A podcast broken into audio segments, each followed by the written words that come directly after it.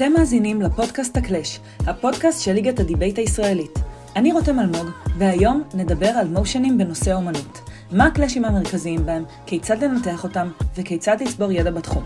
בנוסף, נדבר על בניית מועדון, האיזון בין תחרותיות לחברתיות, וכיצד לשמר ג'וניורים. כדי לענות על כל השאלות האלו, הגיע ענבל גבע, כדוברת, ענבל הגיעה לגמר בתחרויות הג'יב 2020, אליפות הג'וניורים 2020, אליפות הפרשמנים 2020, ה Online Novice Championship ב-2020, אליפות הפרשמנים 2021, אליפות ישראל 2021, ה English Cup 2022 ואליפות ישראל הפתוחה 2022. כשופטת, הגיעה לגמרים של תחרויות, ה Tech Open 2021, ה English Cup 2020, ה Musicals 2021, הג'יב 2022, הפרשמנים 2022, והייתה צ'רית בחצי הגמר של ה English Open 2022. בנוסף, הייתה חברת A-Team בתחרויות ה English Cup 2020, ב Tech Open 2021, הפרשמנים 2022 והאנגליש אופן 2022.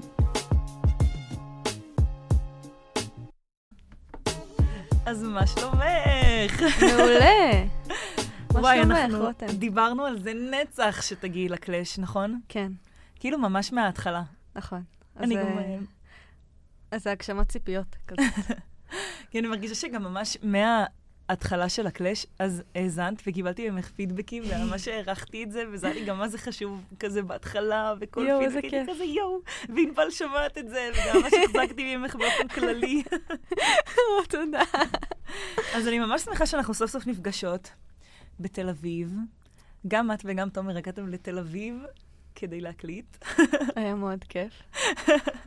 איך עברה לכם הדרך? סבבה, אני באתי מחיפה, אז אה, נחמד, לא נורא מדי. ואין רכבות אה, אחרי שבע וחצי בערב. בואנה, זה שערורייתי. לא? אה, כן, אבל אני כבר אה, רגילה, לצערי. Um, טוב, אז בכל מקרה, מה את עושה בחייך כרגע? אז היום אני סטודנטית, מהמם. אני לומדת מדע והנדסה של חומרים בטכניון. אה, אני בתוכנית כזאת שהיא לתואר ראשון ושני, אז עכשיו אני מתחילה שנה ד' בתואר ראשון, וגם כזה מתחילה פרויקט בתואר שני.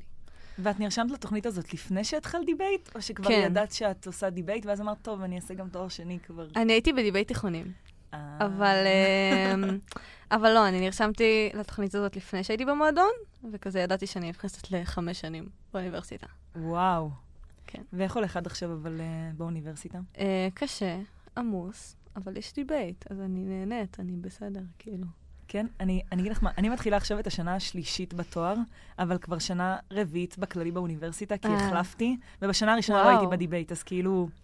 ואני מרגישה כבר מה זה זכותה באמת. ממש אין לי כוח ללמוד יותר. יש מצב שהדיבייט משאיר אותי על אה, אדים כזה את כולנו, בלימודים. את כולנו. בכל מקרה, אז נפגשנו כדי לדבר אה, גם על מושני אומנות, שלי אישית אה, הם קצת קשים. אתמול היה לנו motion אומנות שהיה לי קצת טראומטי. אוי, אני מצטערת. אני אגיד גם למה הם טראומטיים, כי אני מרגישה שאני יודעת מה הדברים שצריך לעשות בכללי, אבל אני אף פעם לא מצליחה לעשות אותם בצורה ממש טובה. אני כזה, טוב, סבבה, זה דיבייט מסר, אבל, אבל משם אני לא באמת אז יודעת בשביל זה אנחנו פה. בדיוק, אז אני אשמח שתעזרי לי בזה. וגם נפגשנו לדבר על אה, ניהול מועדון. Um, שזה גם משמעותי גם לתחילת השנה וגם באופן כללי, ואני גם uh, בתור היו"רית הנכנסת של uh, בינתחומי אשמח uh, לקבל כמה עצות. ובואי נתחיל לדבר על מושני אומנות. מגניב. אז מה מאפיין מושני אומנות? אז אני חושבת שקודם כל, ברוב מושני אומנות יש קלאשים די דומים. זאת אומרת, בכולם, או בכמעט כולם, יש הרבה פעמים קלאש על ערך האומנות, על האיכות של האומנות, אה, על איפה יש לנו אומנות טובה יותר, או אומנות מגוונת יותר. אה, זאת אומרת, יש הרבה דרכים להגדיר את המטריקה של איפה יש לנו אומנות טובה יותר. אה, חוץ מזה, יש לנו עוד קלאש על החשיפה לאומנות. איזה אנשים נחשפים, כמה אנשים נחשפים, ואז בתוך זה יש גם ניתוחים של באיזה מדיום הם נחשפים, איך אני מגיע לאומנות, כמה אני צריך אומנות, האם היא כזה מושכת אותי, או שאנשים, אה, שהאומנות לא מספיק מחברת אותם. והרבה פעמים יש גם עוד קלאש על כזה, על האומן. זה יכול להיות על המחויבות שלנו לאומן, על מה הקשר בין האומן לקהל שלו, איך הקהל מפרש את המסר שהאומן רצה להעביר, האם זה אותו מסר בדיוק או לא. אז יש קלאשים די דומים. אוקיי. חוץ מזה, יש גם ניתוחים אה, קרובים. זאת אומרת, גם כמו שדיברת עליהם, ניתוחי מסר, אה, כזה מסרים חברתיים שמועברים באומנות. הרבה פעמים אומרים כזה, אוי, במורשני אומנות אין אימפקט.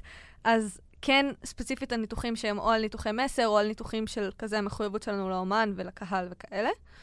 ולמה את אוהבת מושני אומנות? כאילו, אני מרגישה שזה די נישתי. אני כאילו יודעת שאנה אוהבת מושני אומנות, ואני מרגישה שזה הבן אדם היחיד בליגה שבאופן מוצהר אני יודעת שאוהב מושני אומנות. גם נדב ברק אוהב מושני אומנות. אה, נכון, אבל, קלאסי. כן. אה, יש לי סיפור רקע. כן. Uh, כן, אבל לפני כמה שנים, כשהייתי בתיכון, אז uh, הכריחו אותי להרחיב חמש יחידות בספרות. ו... מה זאת אומרת הכריחו? זה היה חובה אצלנו. כאילו, בכיתה שאני הייתי בה, זה היה חובה. אוקיי. עשיתי חמש יחידות בספרות, ואחת היחידות הייתה על ארס פואטיקה, באלף. כשארס פואטיקה זה בעצם איך אנחנו אה, מנתחים יצירות, שהנושא שלהן הוא יצירת היצירה. נניח שיר על איך המשורר מרגיש כשהוא כותב שיר. אה, ויש הרבה יצירות כאלה, זה יכול להיות אה, שירים, זה יכול להיות מחזות, זה יכול להיות רומנים, כאילו יש המון המון דברים כאלה. אה, ובאמת, פשוט ניתחנו המון יצירות כאלה, וזה גם היה נורא מעניין, וזה גם פתח מאוד מעניין לנתח מורשני אומנות, בדרך שהיא לאו דווקא עשית בזה תואר, ויש לך מלא מלא דוגמאות וכאלה, אלא יותר להבין איך המשורר מרגיש כשהוא כותב נניח שיר, ומה הקשר בין האומן לקהל שלו. אז זה כזה ניתוחים מאוד מעניינים, שגם מאוד מאוד משמשים אותי עד היום. אני תמיד חשבתי שארס פואטיקה מתקשר לפואטרי סלאם. אז זה ארס? פואטיקה בעין. אה, אוקיי. וגם אני אוהבת מורשני אומנות, כי אני אוהבת אומנות פשוט, ואני מתה על מוזיאונים וכנסיות ואומנות נוצרית, זה כזה מתחביביי. אה, נכון, אנחנו נפגשנו בזאגרב. כן, ביום החופשי, ביום החופשי, כאילו כשנגמרה כבר התחרות וכולם נשארו שם כזה לעוד איזה יום-יומיים, אז נפגשנו, היינו מאיה, עומר, כרמל ואני, ואת ותומר, ואתם כזה משוטטים בין, בין uh, מוזיאונים, אמרתי כזה, טוב, מה עשיתם? היינו במוזיאון הזה, מוזיאון הפטריות, מוזיאון הלבות השבורים, מוזיאון הזה, מוזיאון הזה, אמרתי כזה, איפה אתם הייתם? "אה, לא עשינו כלום, אנחנו בדרך למוזיאון הלבבות השבורים. הסיפור החשוב הוא שבכינו על זה שסגרו לנו את שתי הקתדרלות, זה היה הכי עצוב. כאילו, יכולנו לראות אותן רק מבחוץ, אז לא יכולתי לראות את כל. הציורים בפנים. אבל אה, כן, זה מה שאני עושה בחו"ל. אז uh, בכל מקרה, אמרת שיש קלאשים שחוזרים על עצמם בכל מושן אומנות. אז את יכולה כאילו להרחיב לגבי, המו- לגבי הקלאשים? אז התחלתי מבאמת מה הערך של האומנות. אז כמו שאמרתי, הרבה פעמים יהיה לנו את האתגר הזה של א', להגדיר מטריקה. זאת אומרת, מהי אומנות טובה? אנחנו יכולים להגדיר שהיא אומנות מגוונת יותר. נניח שיש יותר ז'אנרים, שיש יותר יצירה של ז'אנרים חדשים. לנתח למה יש יותר השראה לאומנים חדשים ליצור, או למה כזה מאפשרים פתח ליצירות חדשות, ולא רק נניח ליצירות אה, אליטיסטיות, ישנות, רנסנסיות או וואטאבר. אמ, עוד מטריקה היא למשל האסתטיקה, זאת אומרת, הטכניקה שבה האומנות מצוירת. איפה יש לנו, נניח, זה תלוי מושן, אבל יש מושנים שבהם אנחנו מדברים על אומנים שהם למדו יותר, אה, או שהטכניקה שלהם טובה יותר, או בכללי כשאנחנו מדברים על אומנות אסתטית מול אומנות שהיא לאו דווקא שמה דגש של אסתטיקה, ואז הערך של האומנות הוא מתבטא באיך האומנות נראית, וגם באיך אנשים אה, צורכים אותה, כאילו, האם אנשים נהנים מלצרוך אומנות אסתטית לצורך העניין. סליחה אה, שאני קוטעת כן. אותך, אבל אפשר לשאול מה, מה הערך של, נגיד, יותר אומנות בעולם? כאילו, למה יותר אומנות זה, זה חשוב? או מי קובע גם מהי אומנות טובה? כן. אז מי קובע זה את כשאת מנתחת, וכשאת מתעדפת את המטריקה שלך. באמת, כאילו באמת אפשר לתעדף המון דברים, וגם, את רואה אם אני אומרת לך, כאילו, אני חושבת שאומנות טובה היא מגוונת, את אומרת, וואלה, נשמע לי הגיוני. אני אגיד לך, אני חושבת שאומנות טובה היא אומנות עם טכניקה טובה, גם נשמע לי הגיוני. כאילו, זה הכל שאלה של ניתוח. למה אנחנו רוצים יותר אומנות טובה בעולם? אז, כאילו, הרבה פעמים קל ללכת למסרים. זאת. אומרת, לדבר, כי זה איזשהו, גם אם זה כזה ניתוח מסר וקצת יותר מורכב לעשות אותו, זה איזשהו משהו שהוא בקרקע. כאילו, אני יכולה להגיד, מועברים יותר מסרים, נניח על ביקורת חברתית, אז יותר תמיכה בכזה מחאות ותנועות חברתיות, ואז אפשר ממש לגרום לאימפקט בעולם. גם אפשר לדבר על למה אנשים פשוט נהנים מאומנות, כן? כאילו, למה זה נותן אסקפיזם ונותן לי אושר, מהמם. וכזה ניתוחי אושר רגילים, ששם נניח פעמים אומנות אסתטית נכנסת. וגם כאילו יש הרבה אומנות שהיא כזה היסטורית, או דברים שהם יותר תרבותיים, ואז אפשר גם לנתח את הקשר של אנשים לתרבות שלהם. זאת אומרת, למה חשוב להפיץ אה, אומנות מסוימת, או למה חשוב שהיא תישאר, כי היא מייצגת היסטוריה מסוימת, כי היא משמרת דברים היסטוריים, סיפורים היסטוריים שלא מספרים אותם בדרך אחרת. Mm-hmm. אז זה גם אופציה. אה, אז זה בקלאש הכזה ערך של האומנות. Mm-hmm. אחר כך יש לנו גם קלאש על האומן. אמ, ואז אפשר לנתח יותר על מה המחויבות שלנו לאומן. זאת אומרת, הרבה פעמים הרי אנחנו צריכים לעשות את השקילה הזאת אקטיבית אם אנחנו עושים קייס על האומן. כי מן הסתם הוא בן אדם אחד, והקהל הם יותר אנשים, והשקילות הקלאסיות של כזה, מה אכפת לי איך האומן מרגיש אם זה משפיע על העולם בצורה טובה. אבל כן אפשר לדבר על האומן. זאת אומרת, אפשר לדבר, א', באמת כל מה שאמרתי קודם, כל הניתוחים האלה של הארס פואטיקה, Mm-hmm. אז מה שמשותף להרבה מאוד יצירות ארס פואטיות, זה שבסופו של דבר הן מספרות על התלאות שהאומן עובר בדרך ליצירה. על זה שהוא מוציא את הקרביים שלו, כאילו, משקיע את כל הרגש שלו ואת כל ההשראה שלו ואת כל אירועי החיים הכי קשים שלו בל... בליצור את האומנות הזאת. Mm-hmm. על זה שצריך להגיע לשיאים רגשיים נורא גבוהים כדי שאני אהיה מסוגל ליצור אמנות. על איך שאני מרגיש בתהליך על זה. על זה שאני נורא נורא מתאמץ, ויכול להיות שהקהל בסוף לא יקבל את המסרים שלי בכלל, או יקבל אותם אבל יפרש אותם אחרת. ובכל המקומות האלה אנחנו יכולים כאילו למצוא את הדבר המשותף הזה.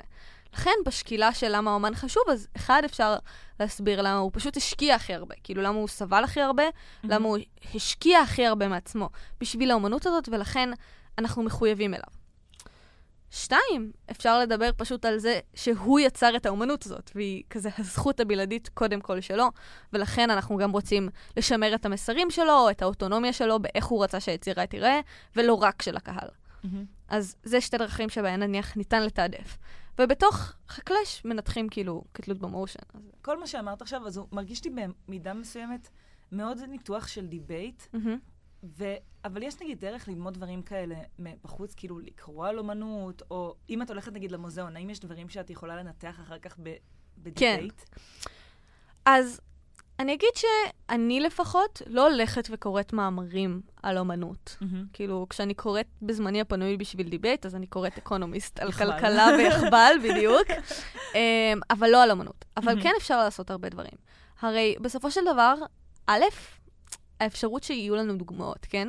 להכיר מי זה ואן גוך, ואיך הציורים שלו נראים, ואיך ואן גוך מבטא רגש לצורך העניין, או כל אומן אחר, כאילו, יש המון דרכים לבטא בהן רגש. אז זה א', זאת אומרת להכיר דוגמאות, וב', באמת לדעת את הפרשנויות האלה של אומנות. זאת אומרת, כמה האומן סבל, איך מבטאים רגשות שונים ביצירה, איזה אלמנטים ביצירה מבטאים רגש. אני חושבת שזה דבר שנורא קל לעשות, כי כולנו צורכים אומנות בדרך כזאת או אחרת. גם אם אנחנו לא הולכים למוזיאון כל שני וחמישי, אנחנו רואים סדרות בנטפליקס. מהמם. וכשאני רואה סדרה בנטפליקס, אני יכולה לעשות את ה extra step הזה, ולחשוב, רגע, איך אני, מה אני עושה עם זה בדיבייט, איך אני מנתחת את זה, אבל נניח אם יש סדרה שממש אהבתי, ללכת ולקרוא אחר כך באינטרנט את הניתוח האומנותי שלה, פתאום אני אגלה על כל מיני מוטיבים שהיו שלא שמתי לב אליהם, או על כזה איסטר אגס, או רמזים מתרימים. כל המושגים הספרותיים האלה כביכול, שאנחנו גם יכולים לראות באומנות אחרת. נניח, אה, לא יודעת, ראיתי לוקי, ואז ראיתי שעל כל הדלתות שם יש סימן כזה של שעון חול או של אינסוף. כאילו, כי- זה השעון אוקיי. חול השוכב. והייתי נכון. כזה, וואו, איזה מגניב. ואז חשבתי על איך זה מוטיב חוזר ביצירה, מהמם. ואיך זה גורם לי להגיד את הוואו, איזה מגניב הזה, יש עוד מסר נסתר כזה, כאילו יש עוד דרך שבה הם משחקים איתי וגורמים לי לחשוב וגורמים לי לשים לב לזה. זה היה נורא מגניב, כאילו. אבל זה יכול לקרות בכל יצירה שאנחנו אוהבים בסופו של דבר. פשוט צריך כזה טיפה להתעמק. לשמוע איזה שיר ולקרוא על המשמעות מאחורי המילים שלו, ואז לראות איך מבטאים את הרגש. כן, האמת ששמעתי פודקאסט בנושא לפני ממש מעט זמן, שמדברים על איך כל דבר ב... כאילו, כל זווית וכל שוט מרמזת על משהו שהולך לבוא כן, בעתיד של כן. הסרט, וברגע ששומעים את זה, באמת אי אפשר לראות אותו דבר את הסרט או הסדרה. את אומרת כזה, אה, הם צילמו ככה, היא הולכת הפוך מהכיוון שלהם, אז בטח היא הולכת, זה הולך לקרות משהו כזה, וכל מיני דברים כאלה, אז, אה, אז זה מטורף כמה שזה כאילו מדעי בכל זאת. כן. יש כל כך הרבה מחשבה, כאילו, אני מסתכלת על זוויות צילום, ואני כזה, וואו, איזה זווית יפה לצלם בה. אז כן, זה ממש אה, כיף גם. ויש אה, יצירת אומנות, כאילו, אני אומרת יצירת אומנות, אבל מן הסתם זה יכול להיות גם אה, דברים שהם לא ציורים, כן. אה, שאת ממליצה במיוחד, לר, כאילו, לרכוש, לשמוע, בשביל דיבייט? או אפילו סתם. אני אוהבת את ואן גוך. אני חושבת שהזכרתי כבר, אבל אני אוהבת את ואן גוך. כאילו, אני חושבת שהסיפור הזה של, אה, של סבל, ואיך שהוא מתבטא ביצירה, הוא נורא מעניין. אני אוהבת את אלתרמן מאוד. אז גם לאלתרמן יש שירים ארס פואטים לצורך העניין, וגם שם את, כאילו, או מחזות, כאילו יש אה, מחזה ארס פואטי של אלתרמן. אמ, וגם שם את uh, ממש כאילו רואה איך מסב... מסבירים את התהליך שבו נוצרת היצירה. כן. אז בואי נעבור להנהלת המועדון. וואו, איזה כיף. ספרי לנו מה ההיסטוריה שלך בהנהלת מועדון הטכניון. טוב, אז אני בהנהלה כבר כזה שנה וחצי, mm-hmm. מאז uh, אמצע שנת הפרשמנים שלי.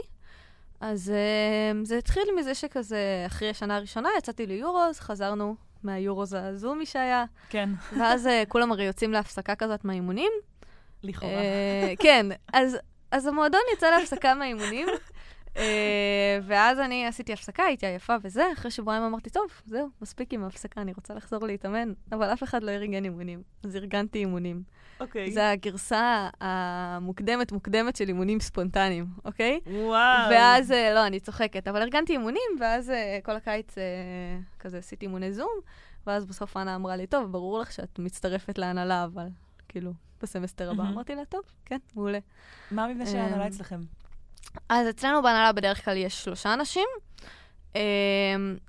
מדי פעם יש כזה יו"ר וסיו"רים, אבל זה title שהוא רק רשמי. Mm-hmm. זאת אומרת, אנחנו מחלקים את העבודה בינינו איך שנוח לנו ואיך שמתאים לנו כדי להוריד העומס אחד מהשני.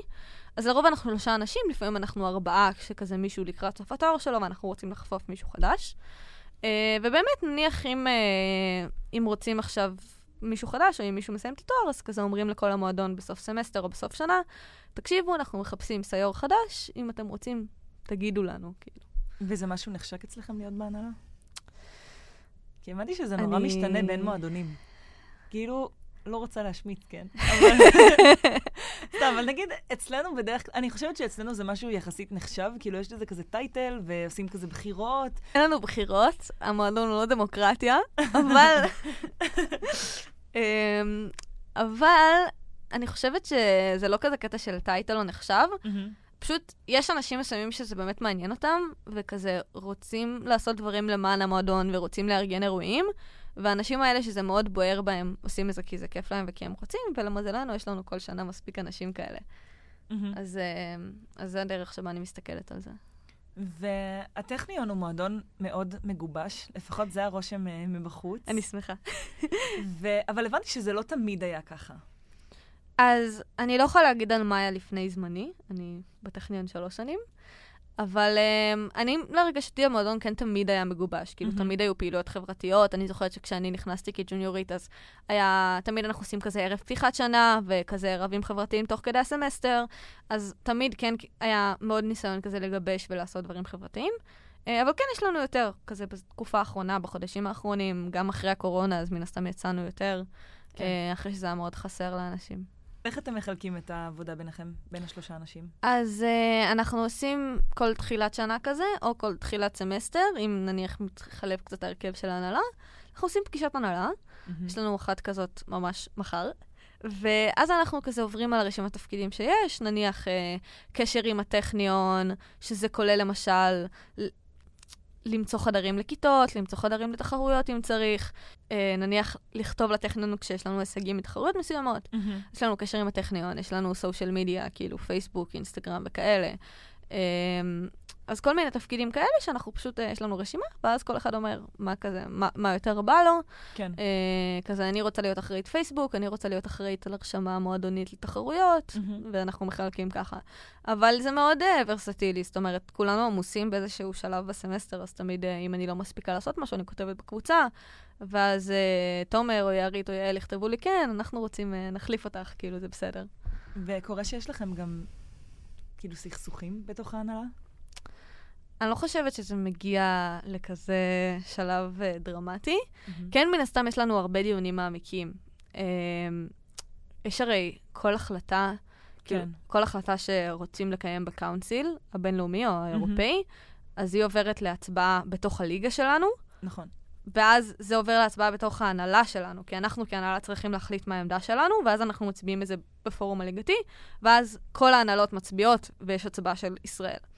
אז יש הרבה דיונים משם. יש גם הצבעות שהן פנים-ליגתיות, לא יודעת, על קאפ חדש בתחרויות, או על אה, תחרויות מסוימות שהופכות לרשמיות נניח, או דברים כאלה. אז יש לנו הרבה הצבעות, ועליהן אנחנו מן הסתם מנהלים דיון. אה, ולפעמים יש לנו גם דיונים בתוך המועדון, על איזושהי כביכול מדיניות שאנחנו רוצים לעשות. אם אנחנו חושבים עכשיו האם ל- לעשות חניכה לג'וניורים אה, באופן כזה טכני, ולא רק לראות מה עם ג'וניורים, מה קורה איתם, אנחנו מדברים עליהם. כדאי לעשות את זה, אם לא כדאי, איך עושים את זה? כן. וכאלה. זהו, בדיוק. באתי להגיד שאני חושבת שבדרך כלל הדברים המרכזיים הם באמת כל מיני דברים של התנהלות של המועדון, כי הצבעה בקאונסול, כאילו, כמה כבר יש? את יודעת, זה באמת לעיתים רחוקות, ואני חושבת שרוב ההחלטות שאני מרגישה שעכשיו אני עומדת בפניהן, זה רק החלטות כזה פנימיות כן. של כל מיני מדיניות פנימית, שהרבה פעמים...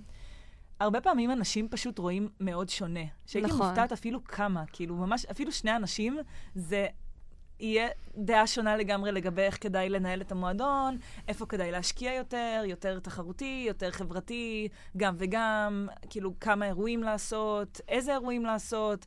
וזה ממש, אה, ו, ופה כאילו הייתה יותר השאלה שלי לגבי, לא באמת סכסוכים, אבל כן. פשוט חילוקי דעות, כאילו איך מחליטים בסוף?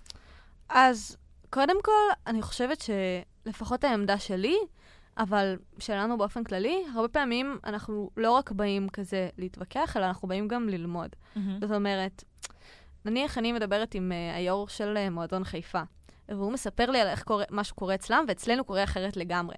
אז בהתחלה אני כזה, וואו, איזה מוזר, מה הקטע של זה? אבל אני גם רוצה ללמוד איך עושים את זה במועדון אחר. ובאופן דומה, אני חושבת שאם למשל אה, אנה חושבת משהו אחד, ואני כאילו הייתי חושבת שלמה שלא נעשה את זה בדרך אחרת, אני גם רוצה ללמוד מאנה כי יש לה ניסיון, והרבה פעמים אנחנו גם הולכים עם איזשהו קו משותף. Mm-hmm. אז, אה, אז גם שם זה, זה קורה בצורה הזאת. יש אנשים שעכשיו גילו שאתם כן. והטכניון זה לא אותו מועדון. ברגע זה ממש... אנחנו בחיפה? כן. כן, אמרו לי את זה כבר. זה גם, זה גם באמת טריקי, כי אני באה לכל האימונים של חיפה. אז גם, גם אנשים בחיפה חושבים שאני בחיפה, אבל uh, חלקם. אבל זה בסדר. מגלים בתחרויות הרשמיות, מי שייך לאן. כן. אני שכחתי להגיד, אבל, כן. שהתפקיד הכי שווה אצלנו הוא להיות פיית נוכחות. קודם כל, אני כבר מהשם אגיד לך שזה נשמע לא התפקיד הכי שווה שיש, אבל אני אשמח לשמוע למה את חושבת שכן. אה, לא, אני אסביר. זה... זה כאילו לא באמת התפקיד הכי שווה. אה, לא? אחרי איזה סמסטר אתה מגלה שזה קצת אה, סינג'ורים וכאלה. זה לוקח סמסטר שלם לגלות את זה. כן, כן. אבל, אה, אבל כל אחד בהנהלה, כמעט כולם עושים את זה מתישהו, וכולנו נהנים לקרוא לעצמנו פיות נוכחות. אה, ולעשות פוטושופ של חברי הנהלה על תמונה של טינקרבל, וזה מאוד מאוד מצחיק. אז זהו, סתם רציתי לשתף את זה. אבל מה, מה, מה זה פיית נוכחות? פיית נוכחות... זה אה, לקושש אנשים לאימונים? אה, גם. לא, אבל זה הרבה דברים. זאת אומרת, קודם כל, אצלנו בטכניון האימונים הם חובה. אז uh, אתה צריך להודיע במהלך הסמסטר, הם חובה, ואתה צריך להודיע אם אתה לא מגיע. אז כולם צריכים להודיע על ההפיית נוכחות הזאת, היום זה יערית, אבל כולם צריכים להודיע לה עד רביעי ב-12, אם הם כן. לא באים, או אם יש להם בקשות שיבוצים, ואז uh, היא מסדרת את זה באקסל כזה נורא נורא יפה. Mm-hmm. Uh, את כל הבקשות שיבוצים של כולם, ואז אנה מסתכלת על זה ובונה טאב.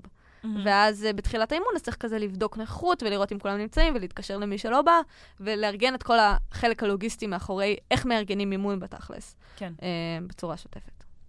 הבנתי. זה טוב, נשמע סבבה. אז מה אתם עושים כדי באמת לשמור על ההווי של המועדון? אז כמו, התחלתי להגיד שאנחנו באמת עושים אירועים חברתיים. אני חושבת שאפשר, uh, גם את האירועים החברתיים אפשר לחלק לשתיים, כן? אז אחת, יש לנו אירועים כאלה רשמיים, בתחילת סמסטר, בסוף סמסטר, באמצע mm-hmm. סמסטר. נניח, uh, יש לנו מסורת שכל תחילת שנה, uh, יש לנו אירוע חברתי כזה, עם פיצות ו Kahoot. אז לפני ה Kahoot שולחים טופס Docs כזה לכולם, עם מלא שאלות על עצמך. אז זה יכול להיות בהתחלה שאלות uh, רגילות כאלה, בין כמה אתה, מאיפה אתה במקור וכאלה, ואז יש כל מיני שאלות הזויות, כאילו, אם הבית שלך נשרף, מה הפריט שאתה מחלץ? uh, מה המקום הנוסטלגי שאתה, כאילו, הכי רוצה להיות בו עכשיו? כל מיני דברים כאלה, מלא מלא שאלות, כאילו, מגניבות, ואז בונים קהוט, ואז יש כזה, מה הגילטי פלז'ר של מורד? אה, פריחיות. אורז, האנטומיה של? גריי. האנטומיה של גריי. אבל אה, ככה כולם גילו שהגילטי פלז'ר שלי זה פריחיות אורז. זה הגילטי פלז'ר שלך? כן. אז זה לא גילטי. אני שמחה שאת חושבת ככה. ואוקיי, משהו שהוא אה, קצת אה, בוער, לפחות בשבילי. זה סוגיית הג'וניורים. כן. איך אתם משאירים ג'וניורים במועדון? אז אני חושבת שבאמת, כאילו מעבר לאירועים החברתיים הרשמיים, אנחנו יוצאים גם הרבה כזה סתם לבר בטכניון או לבר ליד הטכניון, הרבה פעמים אחרי אימונים, אחרי תחרויות. אמ, אז כזה יש מכלול של אירועים חברתיים, אבל אני חושבת, ובזה כולנו חוטאים במידה כזאת או אחרת, כן? אבל אני חושבת שהדגש צריך להיות שם.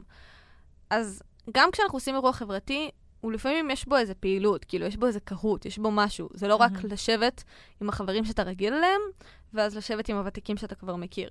אבל באופן כללי, כאילו, אני חושבת שמאוד חשוב לשים לב, כשאני, כשאנחנו יוצאים עם כל המועדון, האם אני מבלה את כל הערב עם החברים שאני מכירה, או שאני מנסה להכיר גם את הג'וניורים החדשים בתחילת שנה, כן. או להכיר עוד ג'וניורים בסוף השנה כשאני לא מכירה אותם כזה לעומק. כאילו, אני חושבת שהתשומת לב הזאת היא מאוד חשובה. כאילו, ולפעמים אנחנו צריכים לעשות צעד נוסף בשביל לשים לב אקטיבית לכל האנשים שסביבנו. חוץ מזה, אני חושבת שיש גם המון פן חברתי בין אימונים ותוך כדי אימונים. למשל, אה, נניח בסמסטר הראשון בשנה, שכולנו הולכים לחוות אותו בקרוב, ומי ששומע את הפרק עכשיו הולך לחוות אותו בתור ותיק. אה, נניח אנחנו עושים את הסיבוב הראשון באימון, ובזמן הזה הג'וניורים היו בשיעור עם המאמנת, אז אני תמיד הייתי, נניח, יורדת קומה לאיפה שהם היו בשיעור, ושואלת אותם איך היה בשיעור. מהמם. או אחרי שהייתי בסיבוב ותיקים נניח, ולא הייתי בחדר ג'וניורים, אז אני הולכת ואומרת, אה, איך היה בסיבוב? איזה תפקיד עשיתם היום? Uh, זאת אומרת, כל ההבנה הזאת, לנסות להבין מכמה שיותר אנשים, איך היה להם באימון. הרבה פעמים, כל הקטע הזה של לשאול שאלות ושל לקבל טיפים, הוא בא כשאתה מכיר את הבן אדם קצת, וכשאתה מרגיש שאכפת לו ממך, שאתה מרגיש שהוא שואל מה איתך, ורק אז יש לך כג'וניור מספיק ביטחון, כאילו, לשאול את השאלות האלה, לשאול על הדבר האחד שלא הבנת בשיעור על איך לעשות נאום סיכום. כאילו, כי נורא קשה לעשות איזה out of the blue עם מלא אנשים שאתה לא מכיר. כן. וחוץ מזה, אני חושבת גם שהרבה פעמים יוצא לנו, יוצא לרובנו לדבר תוך כדי הסמסטר עם ג'וניורים, או בחדר איתם. נכון.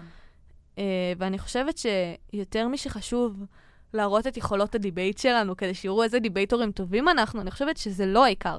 כי לא משנה כמה נהיה גרועים, בשביל ג'וניורים אנחנו נהיה תותחי על. אני חושבת שחשוב לעשות ממש מאמץ לעשות חניכה טובה.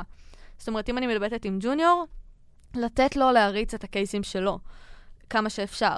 Uh, זאת אומרת, כל הדברים האלה שאנחנו מתכוננים לאח הגדול איתם, גם עכשיו, גם בתחילת הסמסטר, לנסות שהג'וניור ילמד כמה שיותר. Uh, לתת לו להתאמן על הדברים שהוא אומר שעכשיו קשה לו בהם. למשב אותו בצורה נחמדה אחרי הסיבוב. לשבת ולהראות שאתם כתובת ל- להתייעץ על עוד דברים, ועל עוד מהמם. סוגי מושנים, או דברים כאלה.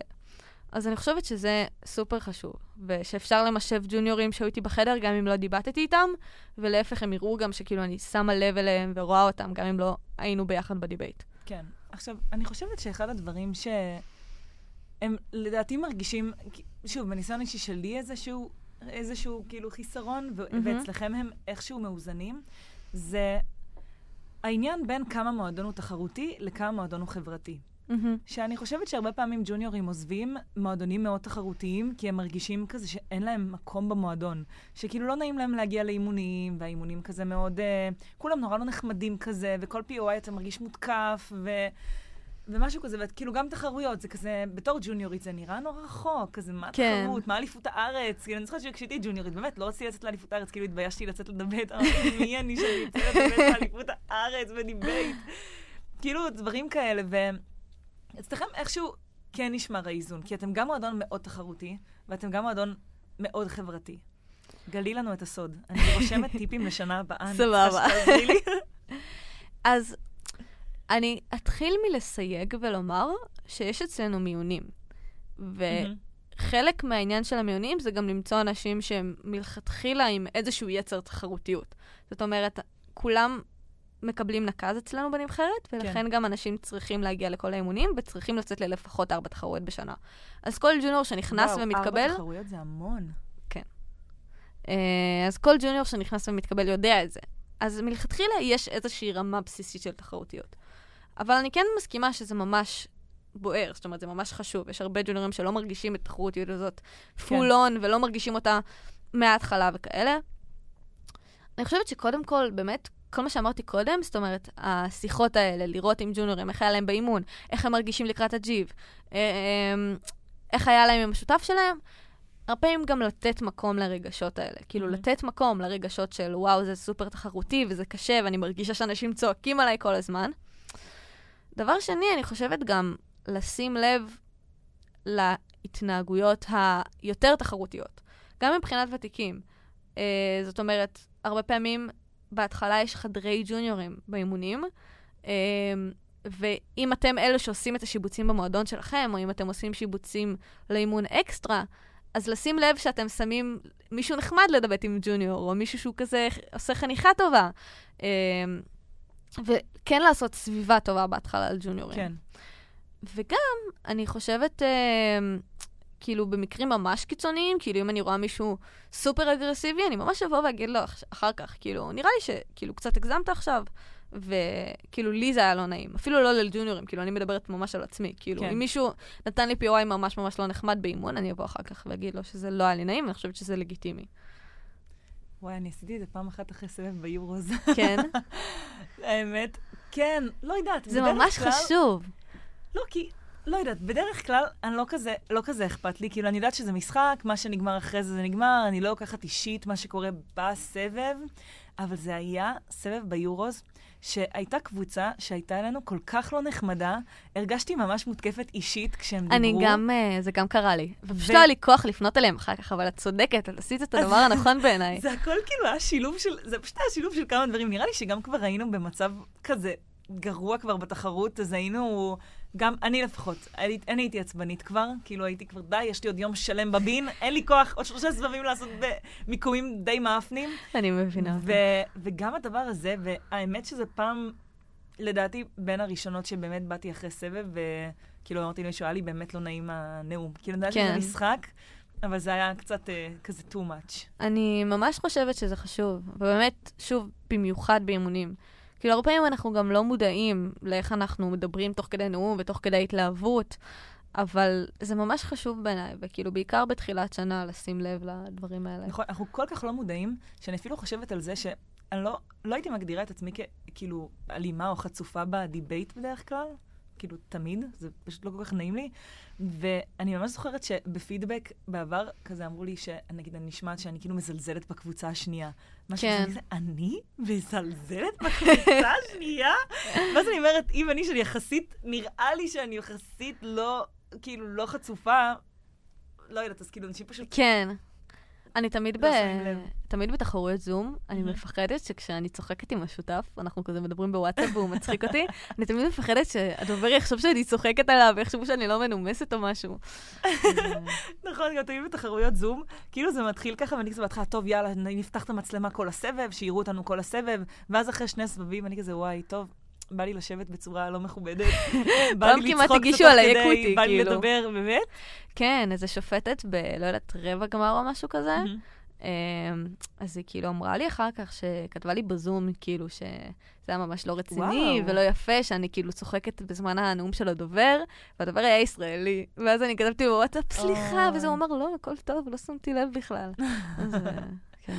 טוב, אהובי רגישות, אבל לא נורא. Um, טוב, בואי נעבור לשאלות מהבית. יא. Yeah. אוקיי, תראי, את כבר קראת את השאלות מהבית שאנחנו ראיינו בפייסבוק. שנייה, אני רוצה לשתות. אין בעיה. זה לא ימנע ממני לשאול אותם, שלא תחשבי. קודם כל, הטכניונים אלופים בטירוף, לכל אחד מכם הם כתבו איזה שש שאלות.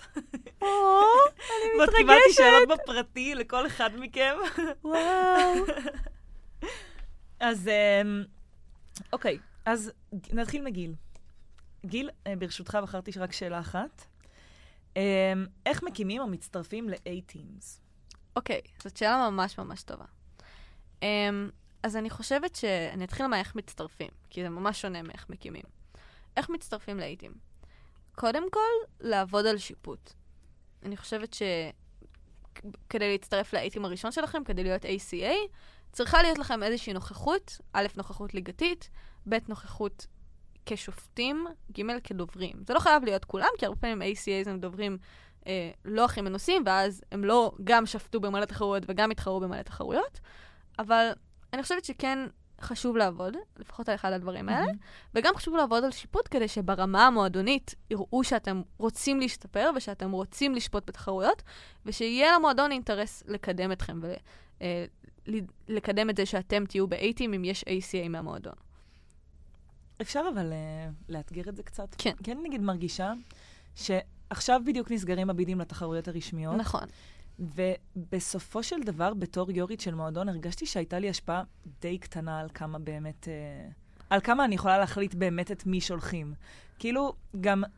ברור שאפשר להילחם בשביל אנשים אה, יותר, וברור ש... זה ברור. אבל בסופו של דבר, נגיד מי שנבחר CA, בדרך כלל הוא כזה פשוט בוחר אנשים ספציפיים שהוא רוצה, יותר מאשר שאני לפחות מרגישה שיש לי מקום לבוא וכזה להציע את עצמי נכון. ולראות אם זה קורה או לא. אז קודם כל, אם אני לא טועה, נשמע לי סביר שה-CA מתייעץ גם עם המאמן, אם הוא רוצה לבחור ACA ממועדון מסוים. וגם, ברגע שאני עובדת על שיפוט ברמה הליגתית, כאילו יוצאת לתחרות ושופטת, mm-hmm. אז גם רואים שהנה אני יצאתי לכמה תחרויות ושפטתי. הנה אפילו קודמתי מטרייני לווינגיט באחת התחרויות האלה. כן. אה, או אם יש לי נוכחות כדוברת, אז רואים את הג'וניור או ה freshman הזה שכאילו הגיע להישגים מסוימים ורוצים שהוא יהיה ACA. אז כן חשוב שתהיה איזושהי נוכחות ליגתית mm-hmm. במובן הזה. סבבה. ומייקל שואל, האם, האם אפשר אישור כניסה? כן, בוודאי. אני אסביר. מייקל מארגן pub quiz. כל, לא יודעת, כל חודש או משהו. זה כל חודש? כן, בטח, יש מלא pub quiz בחודש. כאילו יש במלא מקומות, אבל בטכניון יש כל איזה חודש, בפאב של הטכניון. בחונטה. נכון. כן, נכון, היית שם. אמ, אז הוא מארגן pub quiz, והוא כל פעם צריך אישור כניסה לטכניון כדי להיכנס עם האוטו. אה, ולאחרונה הוטלה עליי המשימה לעשות את זה. אז אה, סונג'רתי, בקיצור. מה, גם תומר? כן. גם אתה מסונג'ר לזה? תומר אה, סונג'ר לזה עד שהוא סיים את התואר ויצא מהמעונות, והוא לא יכול לעשות שירי כניסה יותר, אז זה נפל עליי. אוקיי. ורמי שואל, סבבה. איך אפשר להתאמן על מושני אומנות? אז אני חושבת שהדרך הכי טובה היא פשוט לנתח. פשוט לשבת ולעשות ניתוח מושן לכמה שיותר מושני אומנות. Mm-hmm. לעשות אותם באימונים, לעשות אותם בנניח אימון פרפים עם השותף, אבל אחר כך גם לנסות לנתח את הקייסים יותר לעומק, לבחור מושן אומנות שהוא מצולם עם דיבי טוב, ואז אחרי שמנתחים אותו לראות מה הריצו שם. אני חושבת שזה מאוד חשוב, כי פשוט העיקר במושני אומנות היא סוגי הניתוחים השונים, וכמה לעומק אנחנו מסוגלים לנתח אותם עם דוגמאות וכולי. לכן אני חושבת שזו דרך טובה לעבוד על זה. Mm-hmm. וגם בנפרד לעבוד על ניתוחי מסר, כי זה באמת מופיע הרבה, וכאילו, בכללי כדאי לדעת. אוקיי. Okay. ועוד שאלה שהתבקשה לשאול באנונימיות, זה האם יש לך טיפים לשימור דיבייטוריות במועדונים? אוקיי, okay, אז שאלה ממש טובה.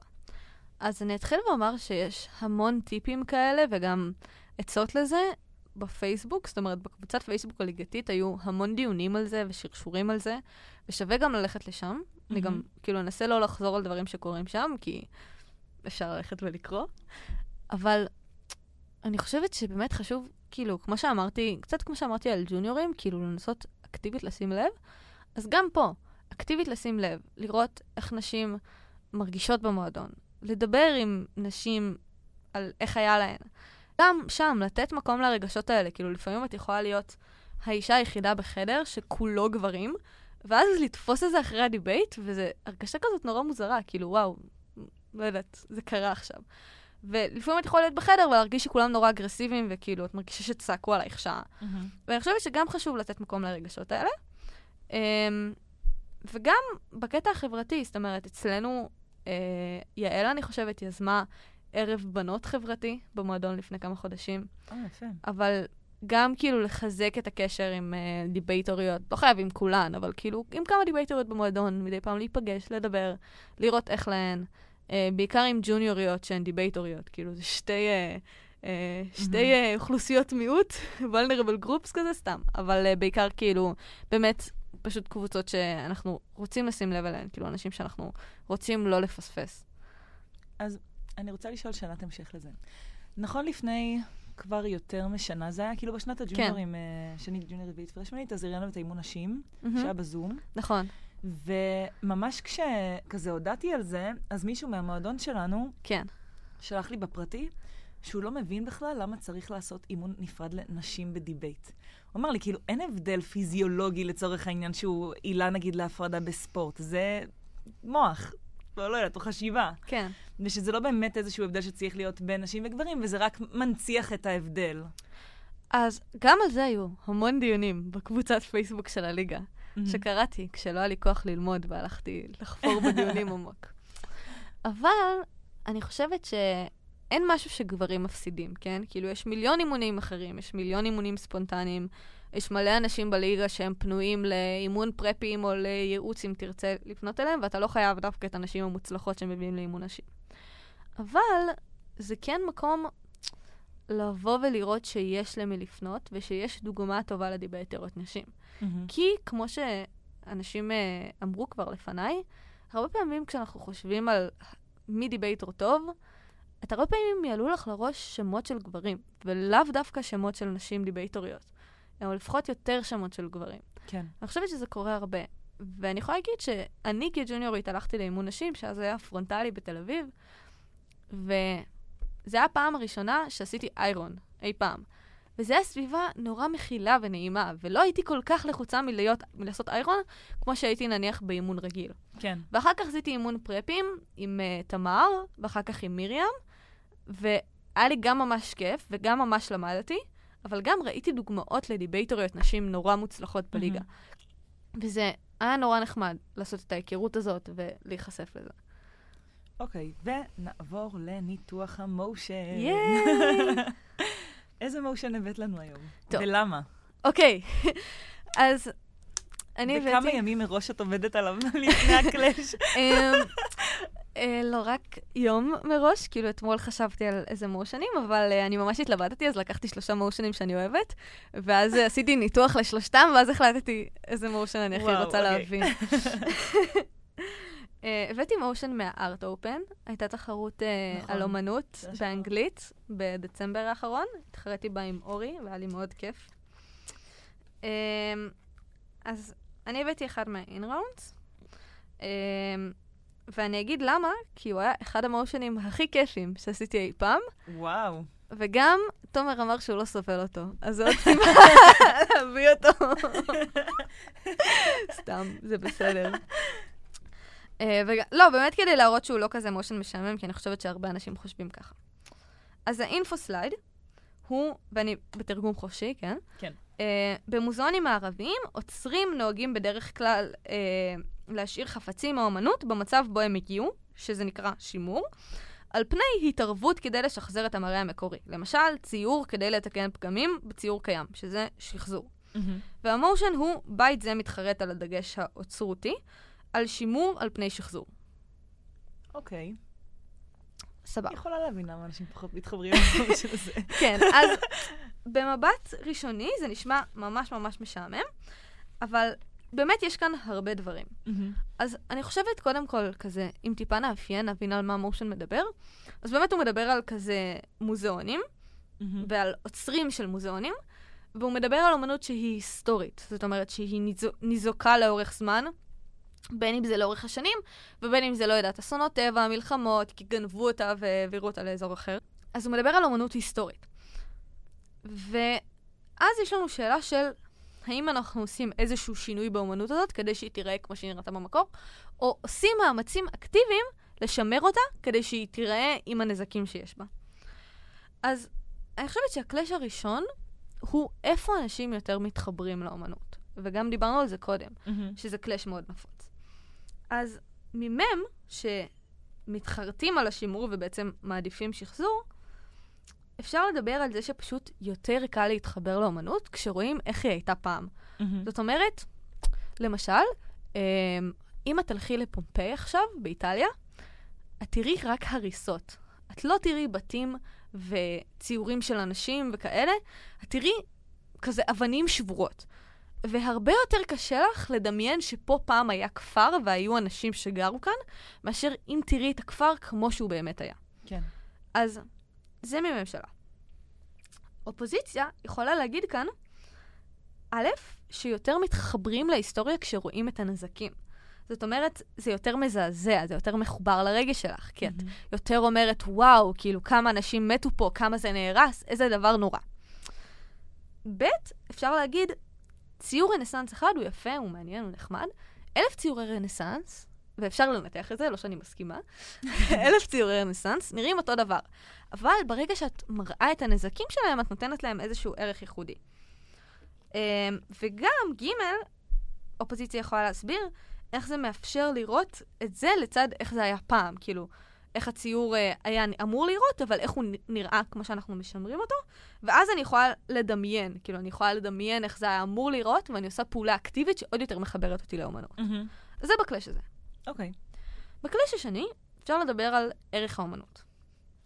ואז ממשלה אחת מדברת על זה שזה פשוט יותר אסתטי. על זה שאני מראה את הציור השלם, בלי הפגמים, בלי הנזקים. מהמם. אני מראה את הצבעים הבוהקים, והנה כאן באות דוגמאות אומנות, כן? שאני הולכת למוזיאון ואני רואה איזה ציורים אה, שח, שחזרו, ואני רואה שהצבעים שלהם הרבה יותר בוהקים, לראות את הסרטוני יוטיוב האלה שבהם מנקים ציורים. אה, ואז אפשר להסביר על למה זה יותר אסתטי. ולכן יותר אנשים פשוט רוצים לצרוך את האומנות הזאת, וגם היא נותנת לך באימפקט יותר הנאה. מהמם. אה, בין אם כזה הנאה, עושר, אסקפיזם, איזשהו אימפקט שתרצי לנתח בו. כן. דבר שני, ממשלה יכולה להסביר על למה הערך של האומנות זה שהיא תישאר כמו שהאומן התכוון. זאת אומרת שאנחנו ניתן ביטוי לאיך האומן רצה שהיצירה תיראה. מהמם.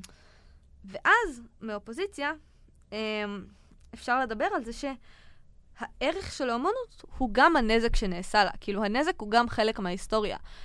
הערך של היצירה הזאת זה לא רק לראות איך אנשים חיו בתקופת הרנסאנס, אלא גם לדעת שהיא נהרסה באיזושהי שריפה, ושזה חלק מהפרטים ההיסטוריים שאת לומדת ממנה. מהמם. אז זה חלק מהערך שלה. סבבה. ואז, בקלאש השלישי, אני חושבת שיש את המחויבות שלנו לאומן, כן? אז מצד ממשלה, אפשר לדבר על המחויבות לתקן את האומנות.